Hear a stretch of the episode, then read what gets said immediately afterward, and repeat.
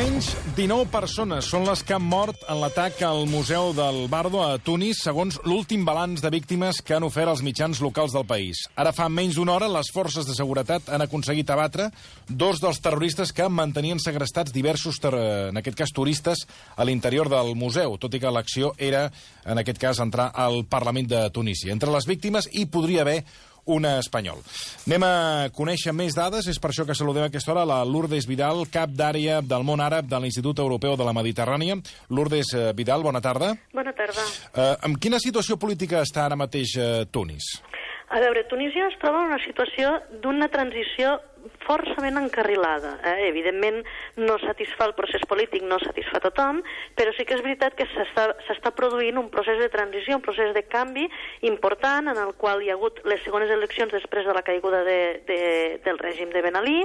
Eh, si les primeres eleccions havia guanyat en majoria el partit islamista, en aquestes ha estat l'altre partit, diguem, el gran candidat contrari al partit islamista, que és una coalició anomenada Nida Túnez, de caràcter eh, secularista i, a més a més, que aplegue, diguem, diferents personalitats ah, en el seu interior. I, i de fet, en, el president eh, pertany també a aquesta formació política i el nou govern que s'ha format, tot i que ha guanyat Nida Tunis, que és aquest partit, eh, hi ha hagut un consens polític i ha incorporat algunes figures del, del partit islamista Nagda. De fet, el que s'ha produït en els darrers temps a Tunísia és un exercici importantíssim de diàleg i de consens entre les diferents forces polítiques i també un exercici molt important de la població d'anar pressionant a les forces polítiques, de la societat civil, de les associacions, anar pressionant les forces polítiques perquè tirin endavant la reforma de les institucions, de l'Estat i, en, i al cap i a la fi la, la transició política del país. Els, els terroristes el que volien fer era entrar al Parlament, no han pogut fer-ho, i és quan s'han dirigit al, al Museu del Bardo. Uh, la pregunta és què s'estava votant avui al Parlament? Avui, avui precisament, no? Eh, de fet, no està molt clar encara com ha anat tot, perquè ha estat molt ràpid, tot plegat, no? Però precisament al Parlament avui es votava una llei antiterrorista i contra el blanqueig de diners. Mm. De fet, eh, una de les grans missions, una, un dels arguments de la campanya electoral del, del, del, tant les legislatives com les presidencials ha estat el tema de la seguretat. Hi ha una preocupació ciutadana respecte a la qüestió de la seguretat. Tunísia, tot i que el procés polític funciona i funciona bé, eh, està sotmès a unes pressions importants tant diguem, internes com externes, que en podríem anomenar de contrarrevolució, no? d'intentar invertir aquest procés de transició cap a la democràcia per diferents eh, e, elements dins i fora del país i a més a més té unes fronteres mm, complicades. D'entrada hi ha una zona que és frontera amb Algèria, eh, que a la zona oest, que evidentment diguem, és una frontera relativament porosa, amb, on hi ha diguem, eh, llocs de resguard de grups jihadistes, hi ha una pressió diguem, a la regió important i de fet hi ha de, tradicionalment a Tunísia, a la zona del Mont Xambi, per exemple, hi ha hagut enfrontaments amb milícies jihadistes i que, a més a més, no és el primer. Sí que és veritat que possiblement és el més greu, l'atac més greu que hi ha hagut, amb més morts, però no és el primer atac que hi ha hagut i, de fet, hi ha hagut altres intents per part de milícies jihadistes d'intentar fer descarrilar el procés polític. Altres vegades havia estat o bé atentats contra la policia o, de manera més rellevant, a, a, atacs que van acabar amb la vida d'alguns líders polítics, sobretot de líders polítics de faccions d'esquerres. Mm. Tunis és el país del que han sortit més combatents cap a Síria i Iraq. Eh, concretament es parla d'entre 2.000 i 3.000.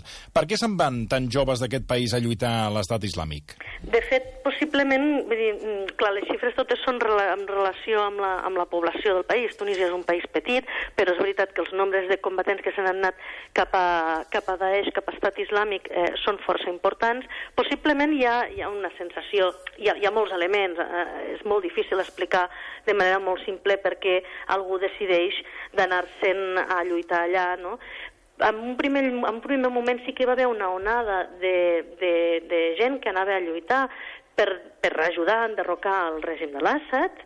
Sí que hi havia diguem, combatents que anaven a lluitar per, diguem, una mica amb la idea de la revolució, però després hi ha tots uns militants mmm, d'ideologia radical violenta que eh, decideixen anar a recolzar l'estat islàmic no per enderrocar cap règim, sinó per instaurar el seu propi règim no? en, en aquella zona del món. Possiblement hi ha, hi ha molts elements, no? hi ha elements de frustració. De fet, Tunísia, un, la seguretat és un dels grans problemes, però l'altre gran problema i que ha centrat la major part de les mobilitzacions, sobretot de joves en els darrers anys, és eh, problemes sobretot pel que fa a l'atur, la manca d'oportunitat dels joves, eh, sobretot una desigualtat territorial importantíssima, és a dir, hi ha regions, mm, zones rurals, regions més pobres, que hi ha un desnivell respecte a les regions costeres més riques pel que fa a nivell de vida, hi ha oportunitats, no? i això, aquest desequilibri ha generat moltes tensions i està generant moltes tensions. No, no només és els nois que no no tenen oportunitats, sinó que a més a més hi ha, hi ha hagut diguem, una certa fractura no? entre aquestes zones més deprimides i les zones més pròsperes del país. No? Mm. I segurament aquest context social complicat, evidentment el, el, procés de transició no ha estat fàcil, eh, ha estat un, un temps en el qual el país ha estat molt, molt, molt absorbit a redactar la Constitució, a establir les bases del nou sistema polític,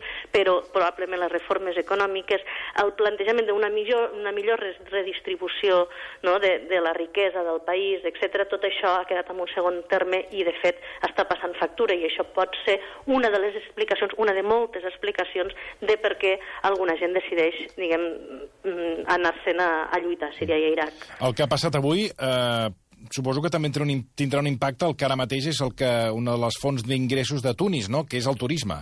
De fet, eh, és, és que eh, per això jo crec que no sé si anaven pel Parlament o anaven pels turistes, pels turistes però realment eh, tot els hi anava bé, no? perquè si, és, si, si s'aconseguia un atac contra el Parlament, evidentment s'aconseguia desestabilitzar eh, el país no? I, mm -hmm. i, i, i possiblement abocar el país a una altra crisi política. N'ha superat dues, arran de la mort primer de, de, de Shukri Belaid, que va ser un dels militants de, líders eh, polítics d'esquerres, i després Mohamed Brahmi, l'estiu del 2013.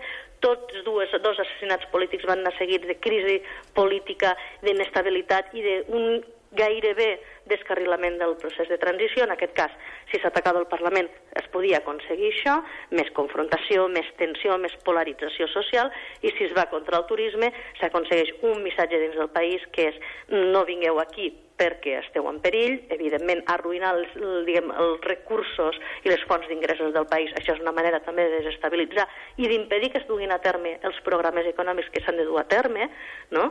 eh, per, per, per pal·liar una mica aquesta situació econòmica i de desigualtat que hi ha al país, i d'altra banda, evidentment, s'envia un missatge a l'exterior, no? de estem aquí, eh, estem vius i, i continuem sent una amenaça, uh -huh. no? Però no només pels propis tunisians, sinó per tot el món. Lourdes Vidal, cap d'àrea del món àrab de l'Institut Europeu de la Mediterrània, moltíssimes gràcies per atendre'ns. Gràcies a